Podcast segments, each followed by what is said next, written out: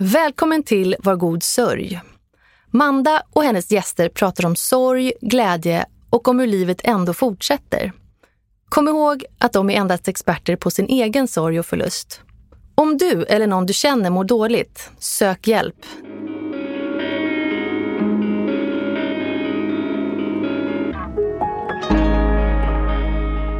Jag heter Manda Ersgård och är mamma, barnmorska, journalist och, ja, tyvärr änka.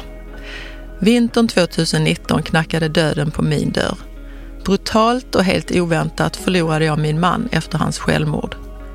Jag upplever att möten med människor i sorg är så tabubelagt och skrämmande att det är lättare att inte prata alls. Så kan vi verkligen inte ha det. Vi måste våga öppna upp för det som skaver och inte alltid är så himla glatt. Jag ska träffa människor som drabbats och dela med sig av sin sorg och förlust i alla dess former. Men viktigast av allt, deras glädje, skratt och igenkänning.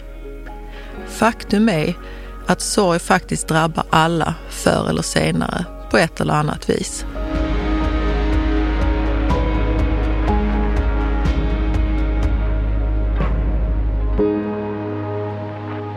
18 december 2004. Dörrarna öppnades i flygplanet. En kvav ljummen värme strömmar välkomnande mot den lilla familjen. Annette, hennes man Tobbe och sonen Viggo, ett och ett halvt år. Det är en efterlängtad semester och snart ska de tre ansluta med ett 30-tal svenska vänner och bekanta i paradiset Kaulak. Nu väntar återhämtning, sol och bad. En dryg vecka senare, den 26 december, annandags morgon. Småbarn leker vid strandkanten, sanden är varm under fötterna. Frukostbuffén intas fortfarande när havet sakta ändrar karaktär och plötsligt, med all kraft, slår första vågen in mot stranden likt en tio meters hög, kolsvart vägg. Människor skriker i panik, springer åt alla håll. Annette slungas iväg och någonstans hinner hon tänka, nu dör jag. Hemma i soffan följer jag händelserna från Kaulak. Tårarna rinner.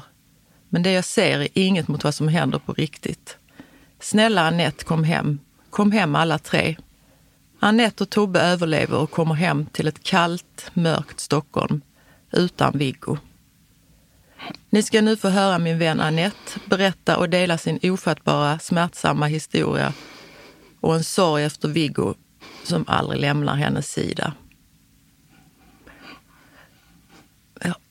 ja. Välkommen hit. Tack så mycket. Hur känns det? Ja, det var tungt att höra. Mm. Att du läser det. Man pratar ju mycket om det, men det är annorlunda mm. att höra det från dig. Kommer du ihåg varenda Ja, det gör jag. Eller jag låg och tänkte på det här i morse för att jag skulle komma hit. Men eh, man kommer ihåg mycket, men mycket börjar faktiskt försvinna lite. Sen så börjar man prata om det så kommer man ihåg det. Men, men eh, just den händelsen, just då, den finns ju alltid etsad i minnet.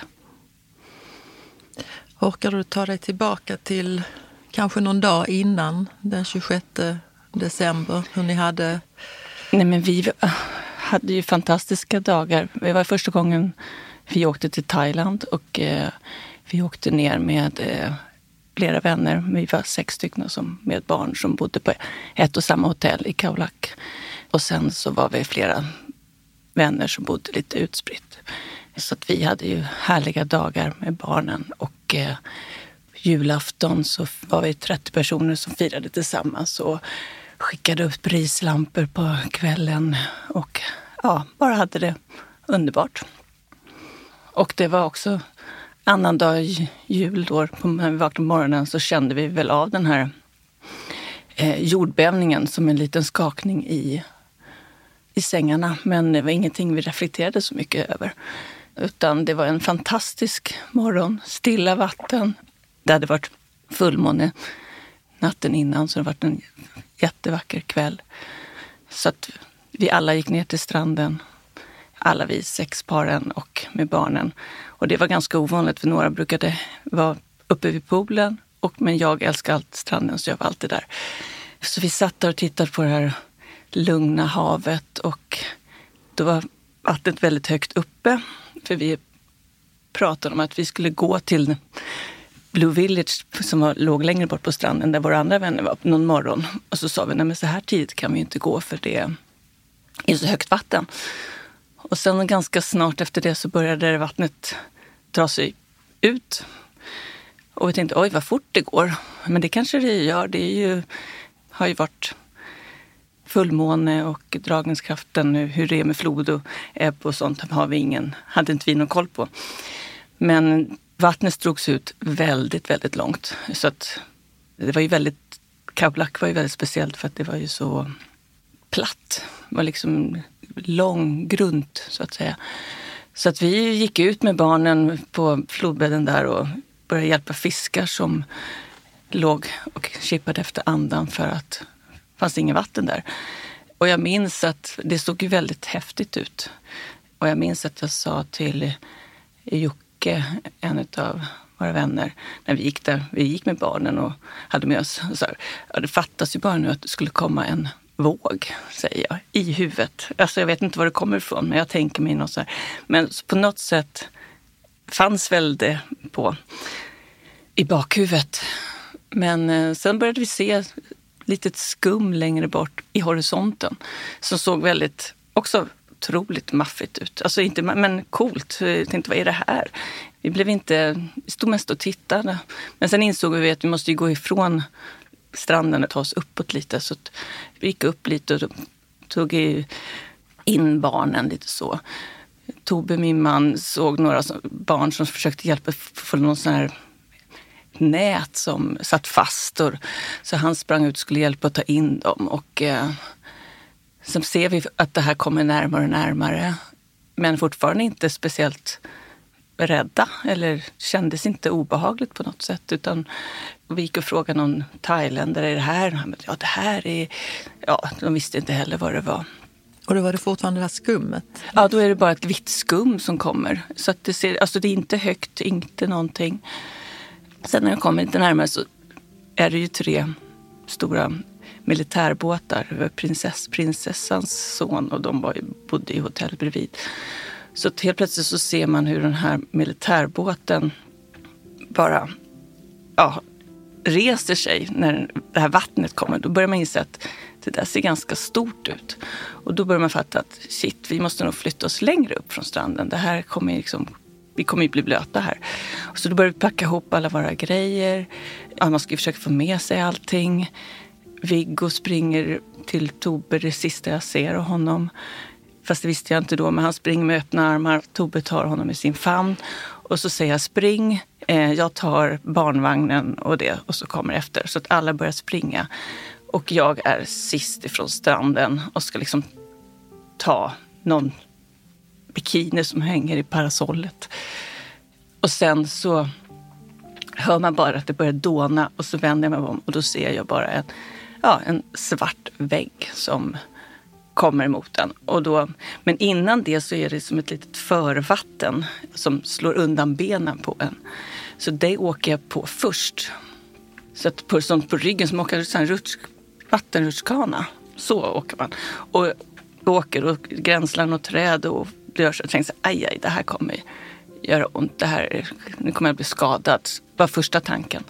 Inte att det var liksom farligt just då tror jag. Eller jag visste att det var farligt.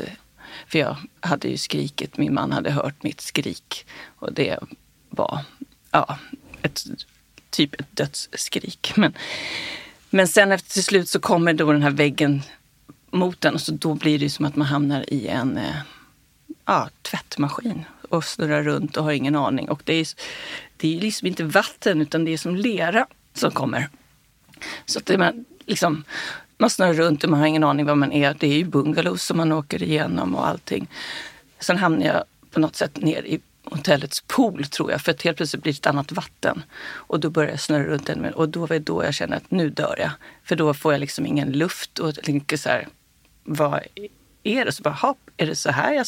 Tanken var bara mer så här, jaha, är det så här jag ska dö? Det trodde jag inte. Men samtidigt tänkte jag, men tänk om Viggo lever, jag måste liksom försöka kämpa. Men på något sätt så helt plötsligt ploppar det upp. Jag vet inte om det kom någon ny våg eller någonting. Så då kommer jag upp till ytan och får luft. Och tänker bra. Och då ser man, alltså då finns det inga bungalows kvar, ingenting. Men hotellets väggar står stadigt. Så att, och då åker jag mot hotellets vägg och så tänker jag här kan jag försöka stanna och komma. Det gick ju så fort vattnet så man visste inte, man vill inte åka iväg med den. Och då tänkte jag, då fastnade jag där. Men då kom allt bråte och liksom klämde fast den mot väggen. Och då kände jag också att nu får jag inte någon luft. Så tänkte jag, ja men nu är det kört. Men återigen så gjorde vattnet att jag kom loss därifrån och råkade, eller kom runt hotellet på baksidan. Och då ser jag, när jag kommer på baksidan, då ser jag en av våra vänner, Lasse, som står på taket. Och då känner jag att det är fall någon som lever, för då börjar man tänka att det här är ingen som har överlevt det här. Men då ser jag han, för han hade gått upp från stranden tidigare så han hade varit på sitt hotellrum. Och där på baksidan av hotellet då börjar liksom vattnet snurra runt och då lyckas jag eh, få tag i en madrass. Så att jag liksom kunde liksom häva upp mig på den och hänga på den. Och så tittar jag så ser jag min arm och den är helt uppfläkt och allting. Så, oj, oj, oj, ja det här kommer inte gå bra. Och då börjar jag se att det är massa folk i vattnet och så och som inte klara sig också för att det var någon thailändare som ja, bara försvann under vattnet där. Men jag åkte i vattnet, så jag åkte inte vidare ut i bussen utan jag höll mig kvar där på något sätt. Så vet jag inte hur länge jag var där men sen plötsligt så började vattnet dra sig tillbaka. Och det var ju också, insåg man, det vill man ju inte, man vill inte komma ut i havet igen för att där är det ju så mycket strömmar och sånt. Så då lyckades jag eh, klamra mig fast i en palm. Och då är jag ända uppe vid palmbladen, så högt uppe var man. Och jag är ändå ganska nära hotellet så det var liksom, så jag ser ju att det är folk där så jag tänker att bara jag kan ta mig dit. Så då satt jag i den där palmen och så började vattnet sakta men säkert, jag vet inte hur länge jag satt. Men då hasade jag mig ner hela tiden och så stod det en man där och sa jag kommer hämta dig när vattnet är klart. Och då sitter jag där utan några kläder. Alltså jag hade ju ingen bikini och allting hade ju åkt av. Men det brydde man sig inte så mycket om.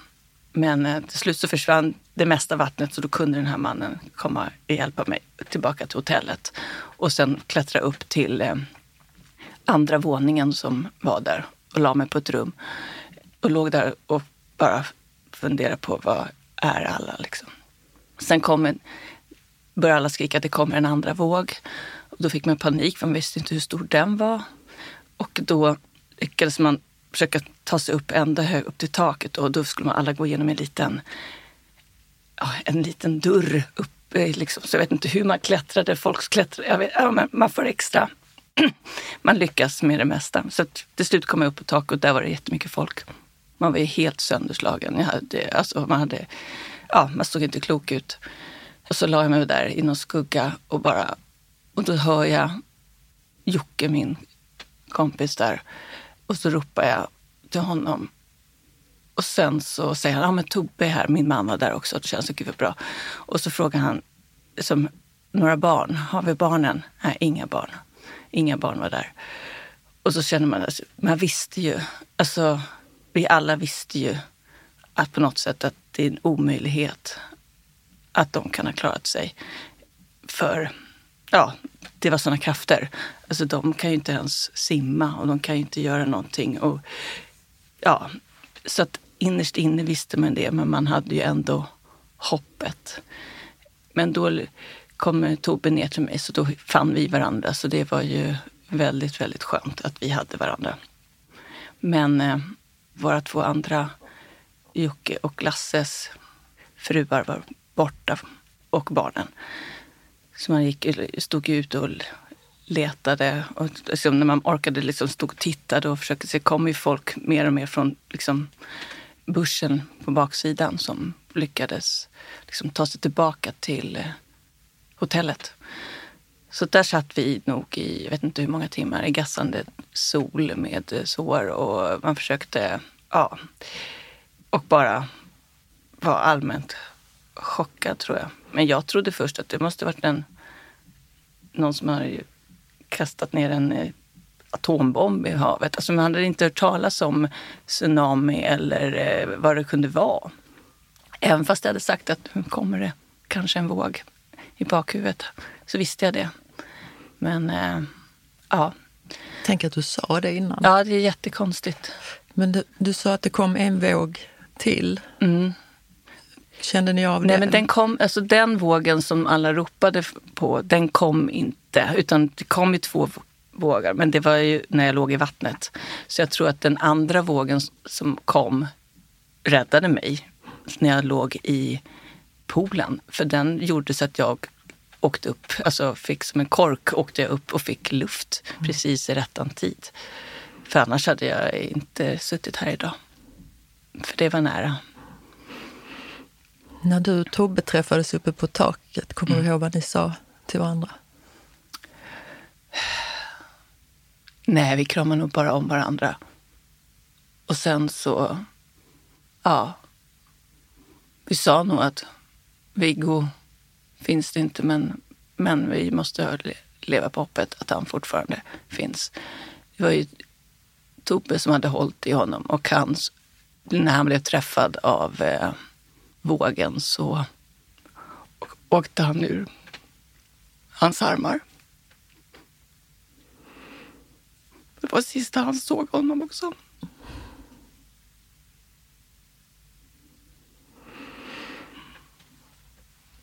Detta har ju ni pratat om så många gånger, du och Tobbe. Mm. Är det svårt att prata om nu? Nej, det, nej, men det här har man ju pratat om så mycket. Ibland blir det bara så verkligt igen. Det är ju länge sedan, men det finns ju där. Men jag tycker att du beskriver så väl. Mm. Alltså jag, man kan ju inte förstå det för att jag inte själv har varit där, men jag, jag tänker också, för du säger att när den här vågen kom, såg du människor? Eller man titt, liksom, och var det döda människor, levande? Nej, men vi såg, jag såg ju alla som sprang och sen så i vattnet såg jag ju. Men sen efteråt så såg vi faktiskt bara, eh, jag såg bara en människa som låg vid hotellet död som var synlig. Sen var det ju väldigt, väldigt många och vi, folk var ju ute och letade när vattnet väl var borta och de kände sig säkra så var det de som var friska och eh, vi hade också en annan kille, Mattias, som är vän till oss. Också där han var ju ute och som, han var inte skadad. För han var ju ute och letade i djungeln efter överlevande och tog hem folk som hjälpte folk som satt skadade i djungeln. Men eh, de hittade inte heller några. Och det är man kanske glad för. Alltså, för vi vet inte vad var någonstans Viggo hittades. Det har vi ingen aning om. Men eh, någonstans, tack och lov, blev han ju hittad. Så att man fick liksom ett litet avslut. För det var ju, på något sätt är det viktigt. Men jag hade ändå förlikat mig med att han kanske är kvar där. Och så tänkte jag mig att han låg på havets botten och inte ute i djungeln någonstans. Och var en liten Nemo. Du sa ju att du var så... Jag ser på dina... Jag tänker inte på det. Nej. Men nu när du längre dina armar, att du var så uppsliten och mm. benen. och mm. Kunde ni röra er? Ja, men först i början så har man ju så adrenalin så då gjorde det ju inget ont alls nästan. Men sen var det ju som jag ja, jag hade ju ett jättesår då på min arm. Så då tänkte jag den här armen kommer jag ju inte få ha kvar. Och sen så var ju liksom kroppen var ju som sår överallt. Hela ryggen var ju som en avskavd... Eh, alltså det var ju som jag hade åkt på saker och fått saker. Alltså man, man var trasig över hela kroppen. Och Tobbe, min man, hade fått ett jättesår i sitt ben så han kunde inte röra sig.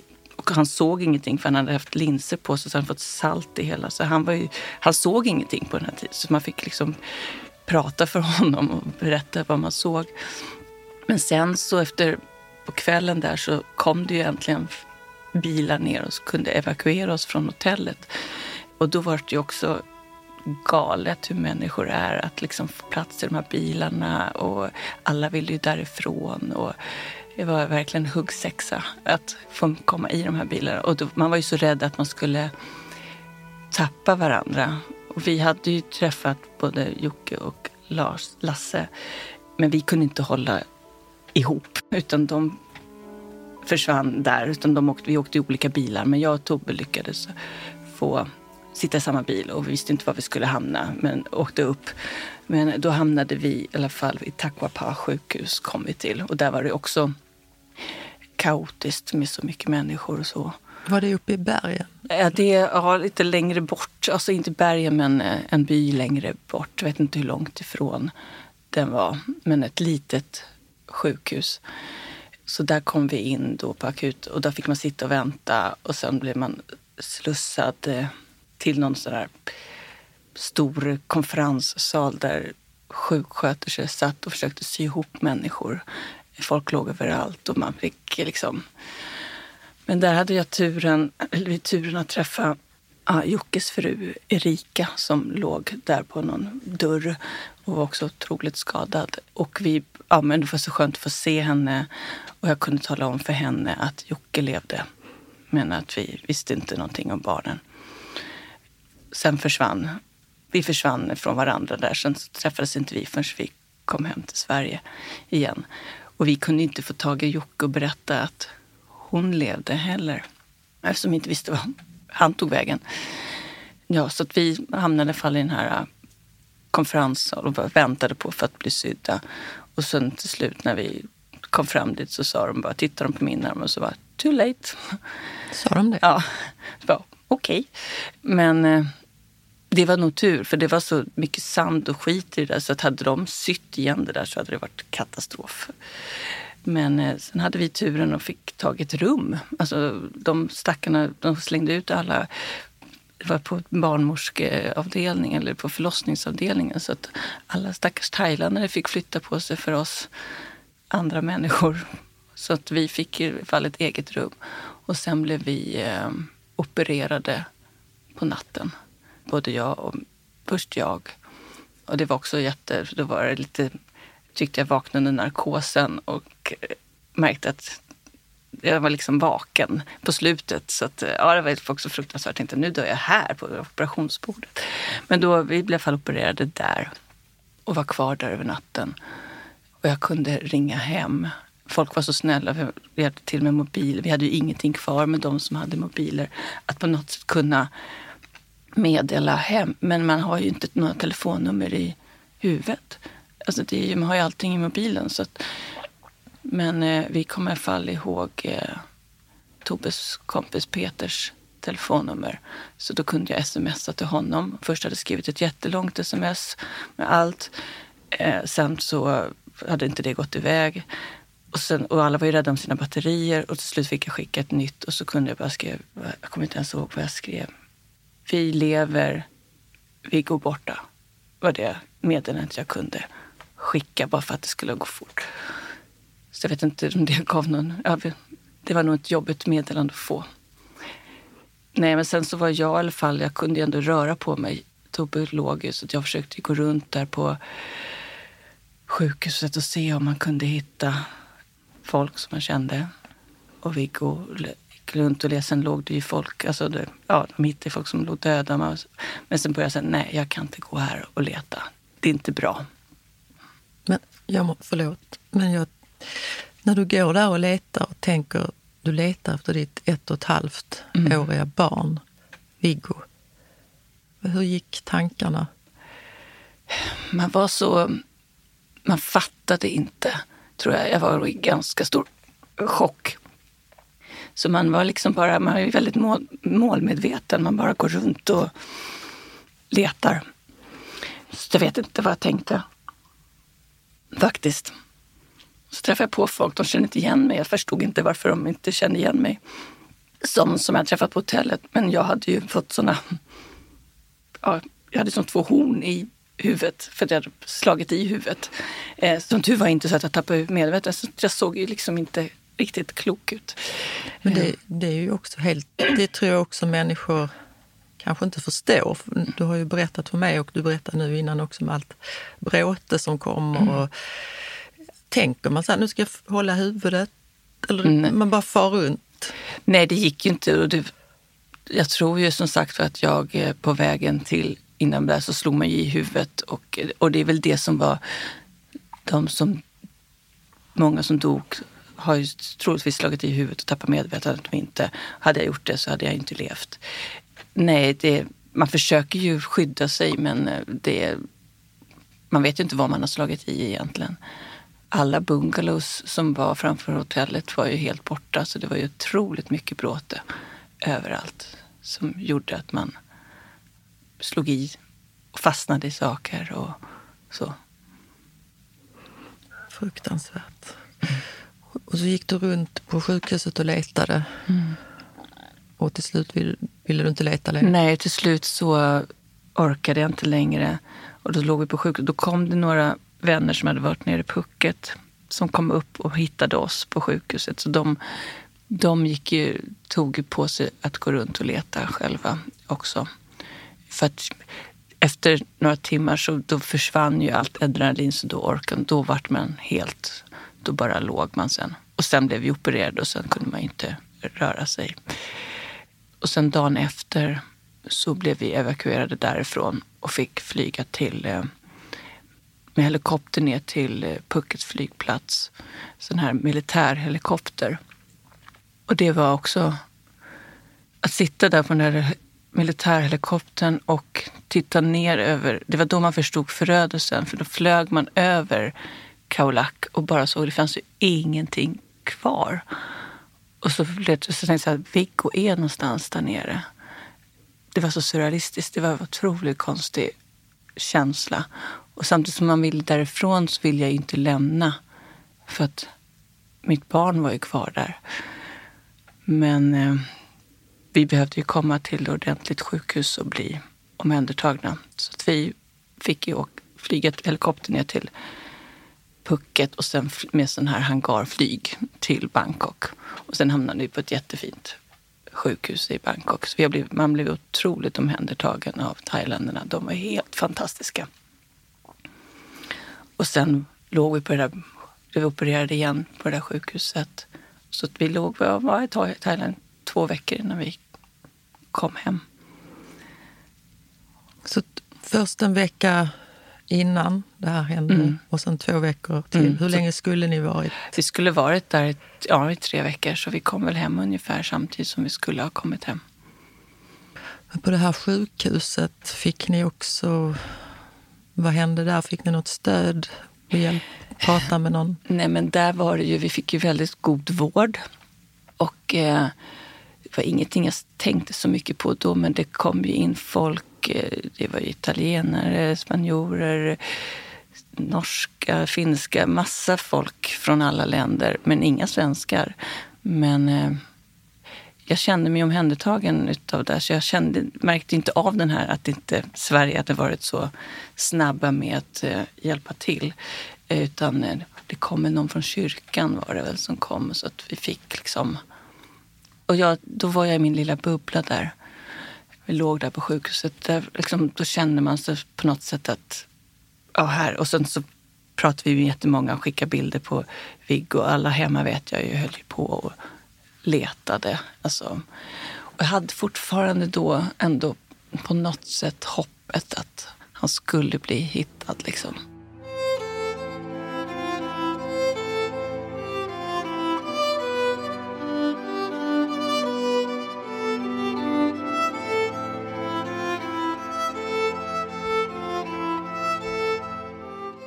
Jag, jag pratade med dig mm.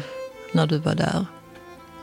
Och eh, alltså jag minns, det känns också helt overkligt, men jag och Jock och Maja, vi stod utanför Moderna Museet, iskallt. Mm.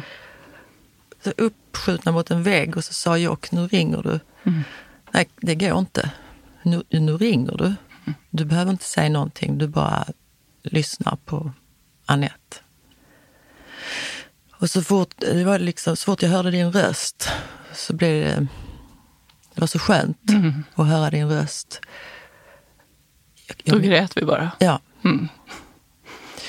Och så vet jag att vi pratade om Viggo. Mm. jag kommer inte riktigt ihåg vad vi sa, men jag vet att jag tänkte hela tiden, nej men han, ni hit, jag tror att det måste vi ha sagt för att jag trodde att ni skulle hitta honom. Mm. Hela, han finns där, Mm. det är bara så.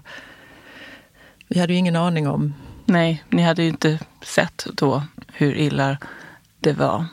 Och har man varit i det så vet man. Alltså det är så. Det fanns... Det hade varit ett mirakel om han hade överlevt. Men det... Nej. men du hade ändå hoppet Ja, men det är ju man... Så länge man inte... Det är därför på något sätt också... Det är ju skönt att han blev hittad. Alltså att man fick hem honom.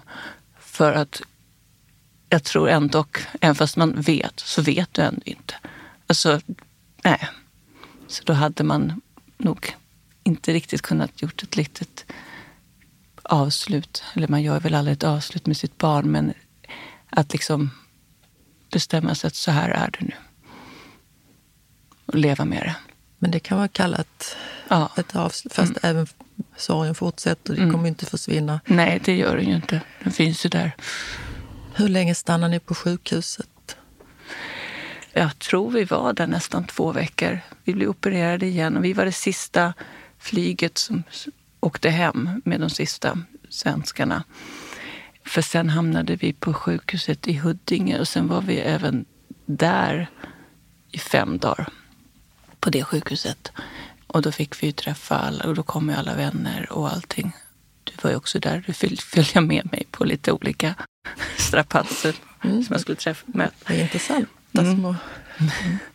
Men eh, ja, sen var vi där, jag tror det var fem dagar också. Och det var, så länge man var där kändes det på något sätt, ja man var i sin lilla bubbla. Eh, sen när man skulle hem, det var det som var, det var fruktansvärt. Att öppna dörren och så var inte Viggo hemma. Allting, alla leksaker, allting var ju som när vi hade lämnat det. Det var nog det tyngsta faktiskt. Och när vi... Ja, det kommer jag ihåg när vi satt på planet från Thailand. Då fick jag också panik. För då kände jag, nu lämnar jag honom här i Thailand. Men då var en sjuksköterska snabbt fram med något piller så att man somnade fort. Det var skönt. Faktiskt. Så man inte fick, för då var det... Ja, det var tungt. Men vad, då var det du och Tobbe ensamma när ni kom hem? Eller hade du och dina föräldrar med? Ja, någon måste ju varit med och skjutsat hem oss. Jag kommer faktiskt inte ihåg vem det var. Jag gissar att det var mamma och pappa. Men den tystnaden som var, det är den som var faktiskt det värsta, tystnaden. För att barn låter ju konstant. Det var tyst. Länge. Ja, Man tappar nästan andan. Mm. Vad, du sa innan att du, det sista du mindes av Viggo, det var när du såg Tobbe och eh, Viggo. Kommer du ihåg liksom hur han såg ut? Lille? Jo, men han sprang. Han hade ju så mycket hår och så hade han ju en sån här soldräkt på sig. Och ganska liten och knubbig. Så han, ja, men han springer mot pappa med uppsträckta händer och liksom vill bli upplyft. Så det är ju det ja, jag ser. Han trivdes i Thailand. Han har ju, var ju ganska, inte besvärligt barn ska man inte säga, men han gillade inte att sova. Han sov sin första hela natt, natten innan tsunamin. Han gillade inte att äta. Eh, han, eh, vi hade bara, han åt typ fem månaders eh, biff stroganoff tillsammans ett och ett halvt år. I Thailand började han. Så hittade han korv och spaghetti. så att han, nej men han trivdes bra där nere.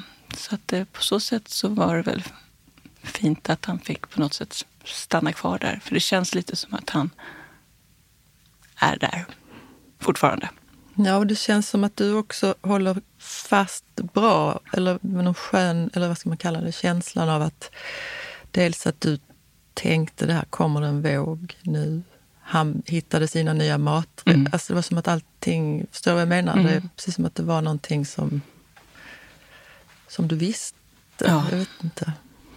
Ja, eller han visste kanske. Eller han, ja, mm. ja men det var nog så mm. jag tänkte att han visste när du ja, beskriver men han, det. Eh, kände som att han...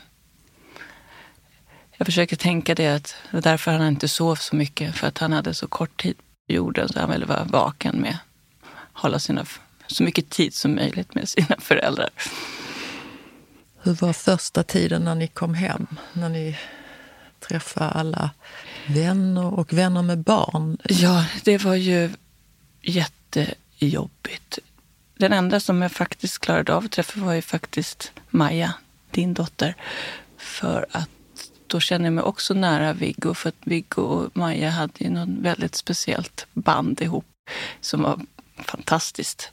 Och de gick ju på samma dagis och allt. Så att det var nog det enda barnet i den åldern som jag ändå klarade av att träffa. Sen har jag ju, de flesta av mina vänner hade ju barn i den här åldern precis. Så det var, det var tufft ganska länge. Sen vill jag ju träffa dem, men det, det är det man egentligen inte får säga. Att man är avundsjuk och de som fick, hade kvar sina barn. Men eh, alltså, räddningen som vi har haft hela tiden är ju att vi har ju fått otroligt faktiskt hjälp månad i sorggrupper eller samtalsgrupper. Och vi var ju, det är tack och lov som jag säger och det känns fruktansvärt att säga det, att man inte var ensam i den här händelsen. Det var ju liksom så många utav oss och vänner som var drabbade. Alltså vi tre paren som var där tillsammans förlorade ju alla våra barn. Lasse förlorade även sin fru, vår vän Linda. Och vi hade ju varandra. Och vi pratade och träffades hela tiden. Och det var väl egentligen dem jag orkade umgås med, eller vi. Och sen ordnade Röda Korset samtalsgrupper där vi då blev en grupp med vi som bodde i fall i Stockholm träffades som hade, alla de som hade förlorat barn som var överlevande. Så vi var en grupp på nio personer som träffades minst alltså, i grupp två gånger i veckan och hade Sara Hedrenius och Kristina Brandänge på Röda Korset som var våra... De hjälpte oss. De satt där. De sa inte så mycket, men de satt där och liksom höll koll på oss. Och vi fick liksom bara Prata, prata, prata, prata. För det är det man behöver göra. Det är prata, prata. Och det har jag gjort sen dess. Alltså jag har inte något problem att prata om detta. Och det är kanske är därför man på något sätt, att det går så pass bra. Ändock. Nej men de här, och vi, vi åkte ju sen tillbaka till Thailand ganska fort. Det kände vi alla. För när jag åkte därifrån så sa jag aldrig mer Thailand. Det var någon thailändsk sjuksköterska som frågade, ni kommer väl tillbaka? Aldrig, sa jag då.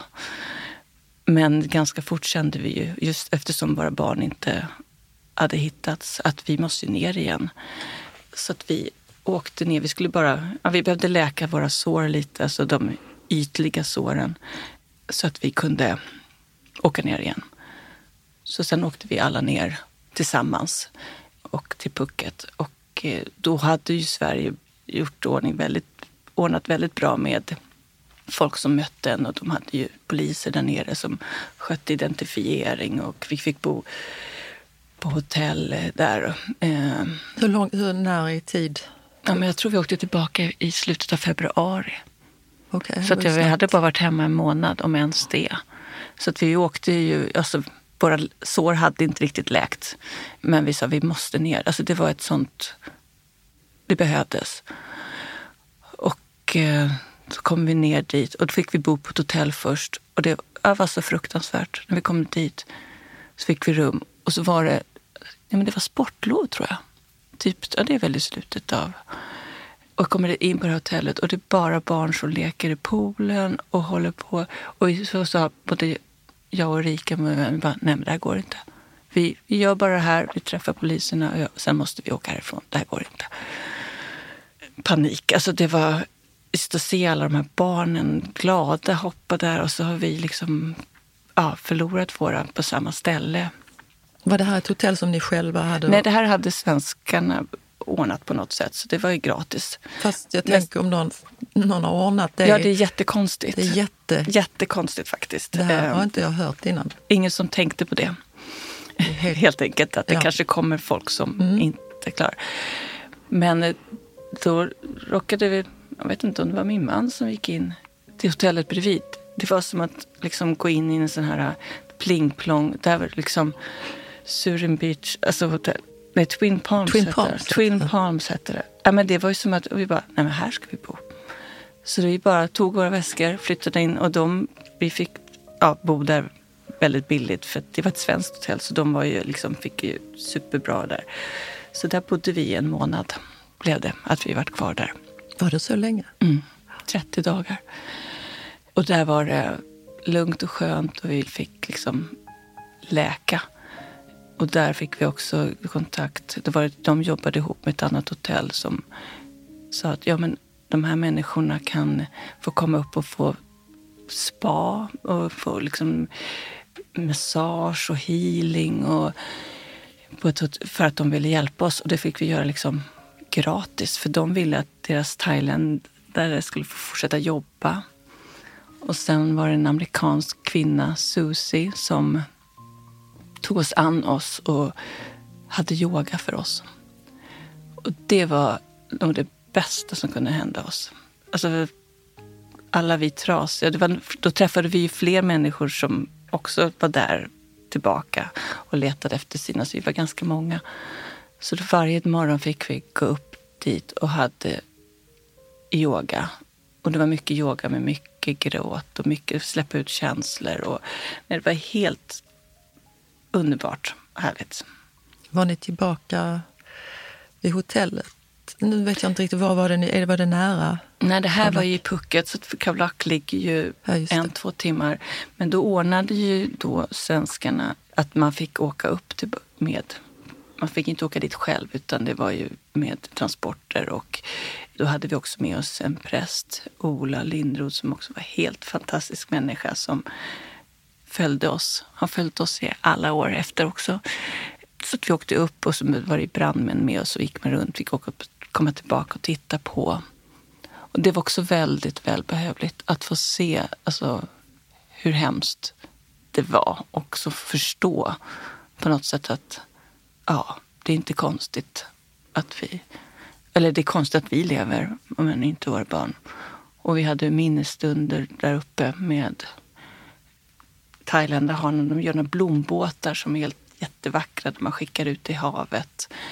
Och sen så, det här med rislampor blev ju, hade aldrig sett det förrän på julafton och tyckte det var så vackert.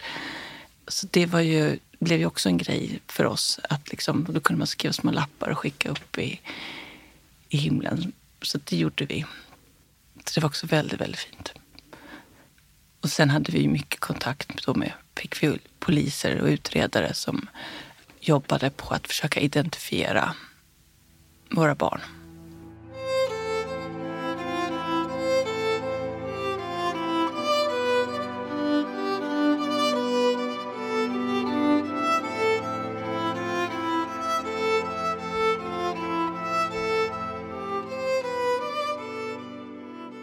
Då har ni förlorat ett barn och sen nu ska vi ha barn igen. Mm. Fick ni höra olika, var det människor då som hade olika synpunkter på det här? Ja, det, var- alltså, det var ju hon som har varit den som hjälpte oss. Hon sa, ja, men är, är ni säkra på det? Ska ni inte liksom sörja först och ta det lite lugnt? Och så nej, det finns inte ens. Alltså, det, det tar ju nio månader innan vi hinner nog sörja. Och det är ju det som, någon, vi måste ju få någonting att känna att livet är värt att leva. För det var verkligen nattsvart. Det var inte, jag var inte glad att jag hade överlevt då. När vi visste. Det fanns inte någon... Jag förstod inte liksom meningen med det. Varför jag hade överlevt och Viggo inte fick göra det i början. Hade du tankar, hade du mörka tankar då? Nej, jag tänkte, men jag tittade mig inte över övergångsstället när jag gick. Liksom, utan jag tänkte att det gör väl ingenting. Alltså, så var det nog. Men jag skulle aldrig ha tagit livet av mig, för så illa var Men det var inte så att jag, jag kände, dör jag så gör det ingenting.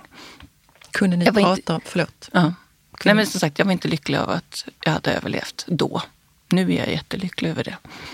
Jag med. Mm. Kunde ni prata om det, Tobbe och du? De här känslorna ni hade? Jo, men det gjorde vi väl. Jag tror vi pratade framför allt, det var så som pratar ju mycket om sånt här i våra samtalsgrupper. För man är ju lite olika också som man och kvinna i hur man tar saker och ting. Så det var det som var så bra i den här samtalsgruppen. Att vi kunde också se hur andra killar reagerade och inte bara min man, utan de var ganska lika i sin sorg och vi var, tjejer var lika i våran sorg. Sen har man en gemensam sorg, men man, man tacklar dem på olika sätt. Det var ganska tydligt. Men eh, gällande det så tror jag inte... Jag kommer inte ihåg om vi, vi pratade väldigt mycket, men jag kommer inte riktigt ihåg vad vi pratade om. Vi hade ju varandra bara. Det du berättar också om den, de här grupperna var ju väldigt, eller för mig känns de väldigt unika också för de håller, har ju hållit i sig i olika konstellationer fortfarande. Mm. Men just det här som du sa att när ni satt där så var det någon som höll i det och sen så, som bara lyssnade mm. sker. Och jag tror att det här med bara lyssna är det svåraste nu lät det ju som att jag bara tänker på dem bredvid. Om vi pratar mm. om de som är bredvid, mm. som inte har varit med. Mm. När man försöker komma på, när nu måste jag, jag vill hjälpa mm. Annette nu ur jag måste liksom komma på någonting som jag kan ge. Mm. Vilket ju är helt... Eh... Kände du att människor var så mot dig? Jag menar inte att det är fel, men det är svårt Nej. att möta en, någon i sorg. Ja. Eh... Nej, men jag tycker nog att alla i min närmsta eller bekantskapskrets, och vi hade ju otroligt många vänner och bekanta och väldigt många också otippade som fanns där som man inte alls hade räknat med. Och finns de som man kanske hade räknat med som inte fanns där på samma sätt. Men jag tycker alla har varit helt fantastiska och jag tror att det var inte så många som kom med annat för det är ingen som hade varit med om att förlora, var i den här och förlorat barn så var ingen som kunde komma och säga så, ja, men så jag gjorde så här eller så här. Utan jag tror att det var många lyssnare faktiskt. Ja. Tungt. Och eh, Love kom 2000? Han kom i samma år, eller 2005. Han var ju planerad till den 30 december. Så där var man ju väldigt rädd att han skulle födas den 26. För det kändes inte snällt mot honom att eh, födas på sin döda brors dödsdag.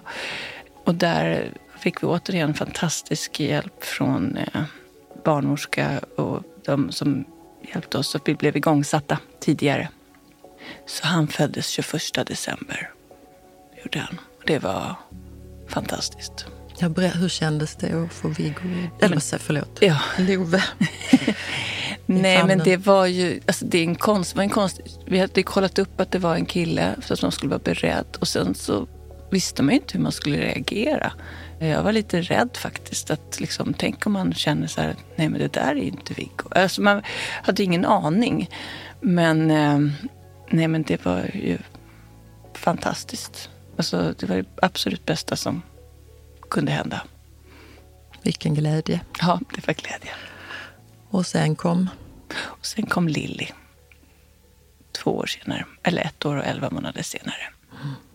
Så det var också nej, underbart att få dem. Sen sagt vill man ju ha alla tre såklart.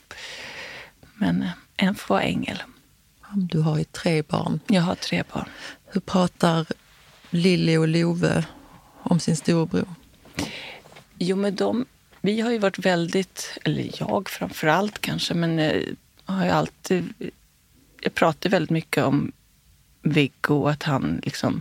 Jag vill att han ska få fortsätta. Han fick ett och ett halvt år, men han ska inte bli bortglömd. Att han, jag har alltid, jag har alltid en bild på honom, tänder ljus och går gra till graven. Och, ja, så för dem har han varit väldigt, inte levande, men närvarande i vårt liv. Så de, men det är först nu på senare år som de verkligen förstår vad som har hänt och allt så.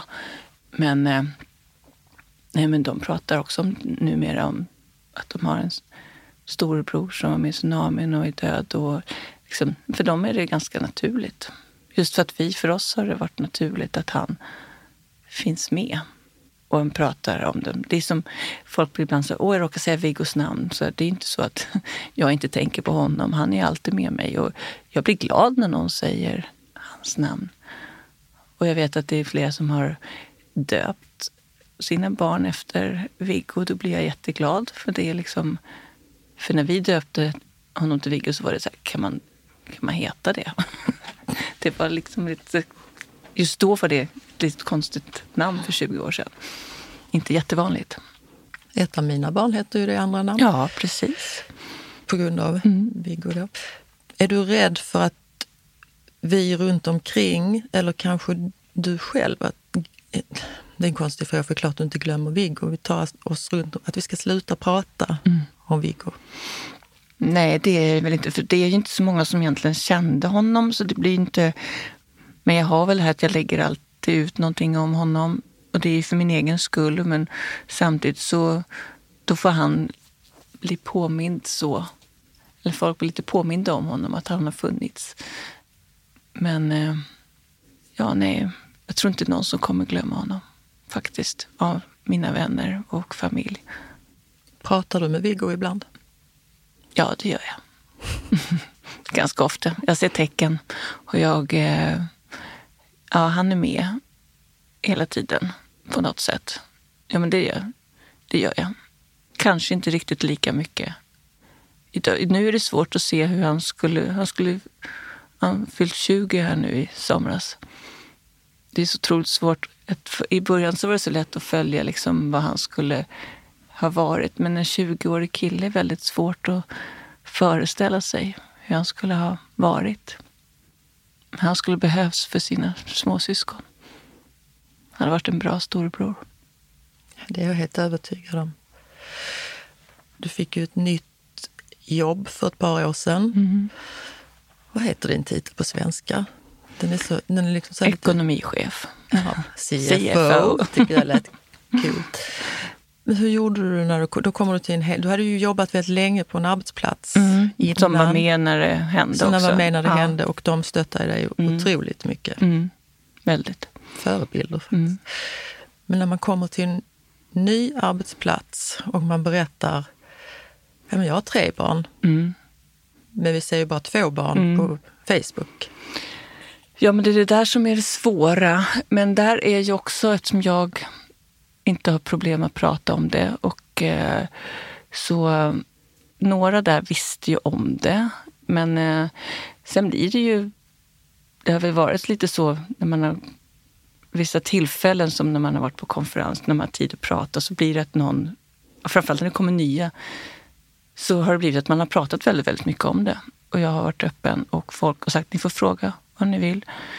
För det är ändå ett inte jättestort företag.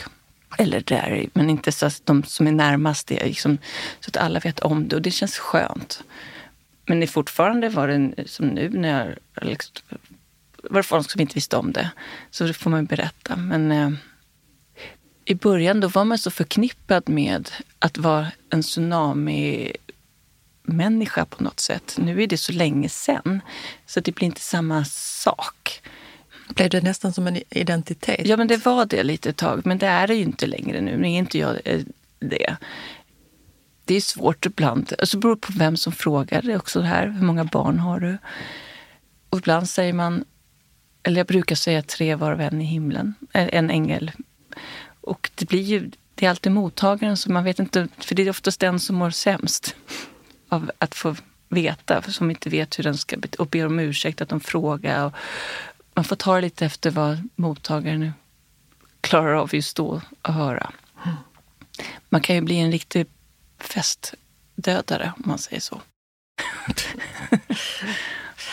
ja, men det blir ju så ibland när de frågar och så ska man säga, ska jag säga, och även kanske känns, och så känns det konstigt att inte säga att man har tre barn. Alltså det tar emot att inte säga det. En festdödare. Ja men får man lov att skratta i sorg? Ja, absolut.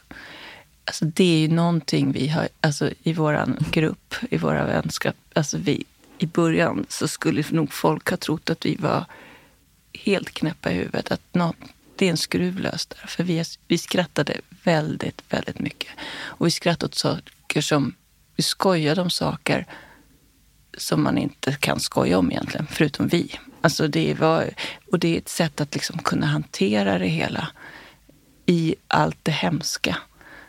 Men jag tycker sorg och skratt hör ihop på något sätt. Men så är det ju när vi... Vi har ju också vår lilla grupp eh, sorg, ja, som du har hamnat i också, tyvärr. Eh, Tack. Men vi skrattar ju galet mycket och gråter och skrattar och gråter. Det var ju din, din yogagrupp mm. från början som jag blev medbjuden av utan sorg. utan sorg, Nej. precis. Jo, men så var ja. det faktiskt. Och det är ju väldigt, eh, det var väldigt speciellt en gång när vi träffades mm. allihopa mm. och efter att min, alltså Jock, min man, hade gått bort. Hur det helt, helt plötsligt släppte för mig. Mm. Och började, jag kommer inte ihåg det, men vi, jag började gråta från ingenstans och alla grät. Mm. Och att vi liksom, man finner varandra och det kändes skönt. Precis. Alla tror jag kände, det, ja, det var jätteskönt. Det var något som släppte. Att vi, kanske... ja, vi alla började prata om saker ja. som eh, man inte kommit ihåg och som man inte pratar om. För det är en väldigt fnittrig grupp. Det är en väldigt fnittrig grupp.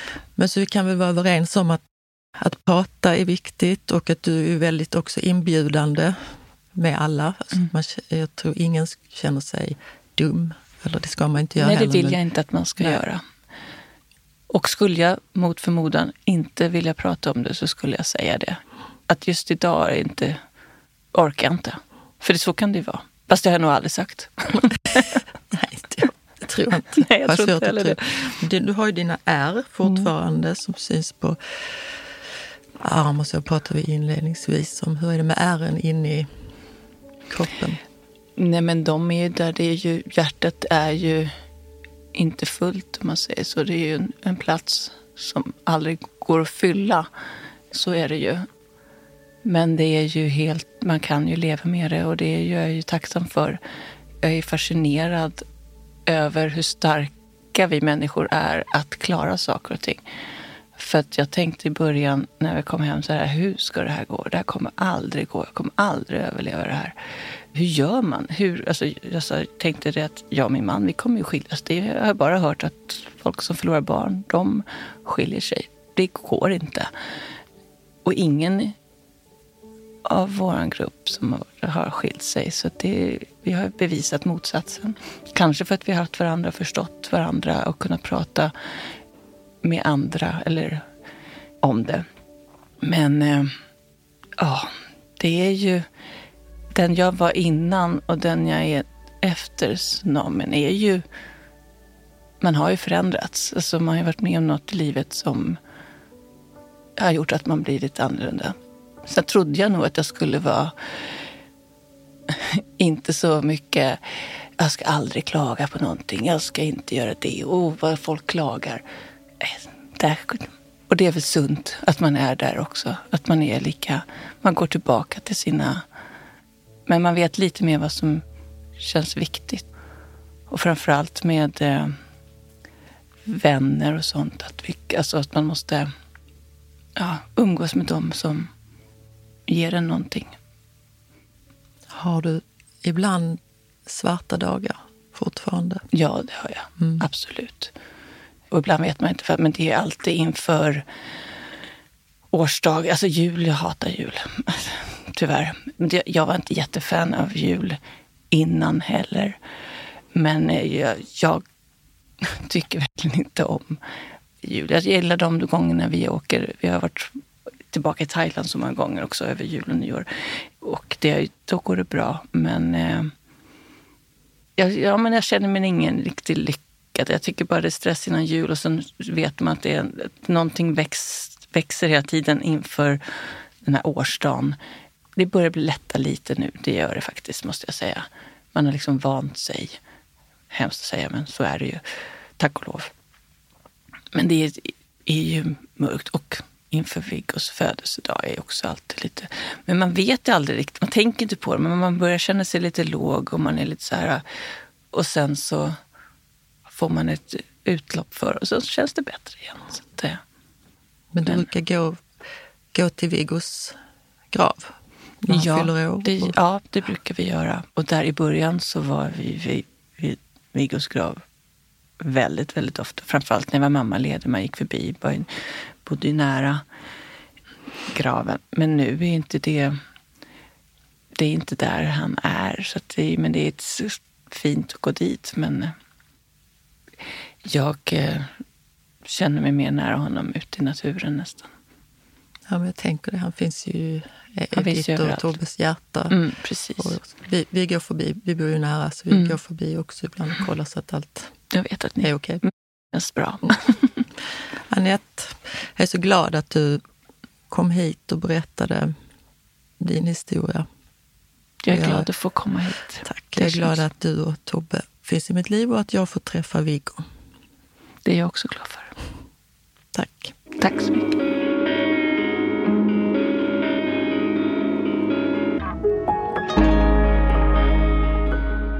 Var god sörj görs av Manda Ersgård och Stray Dog Studios.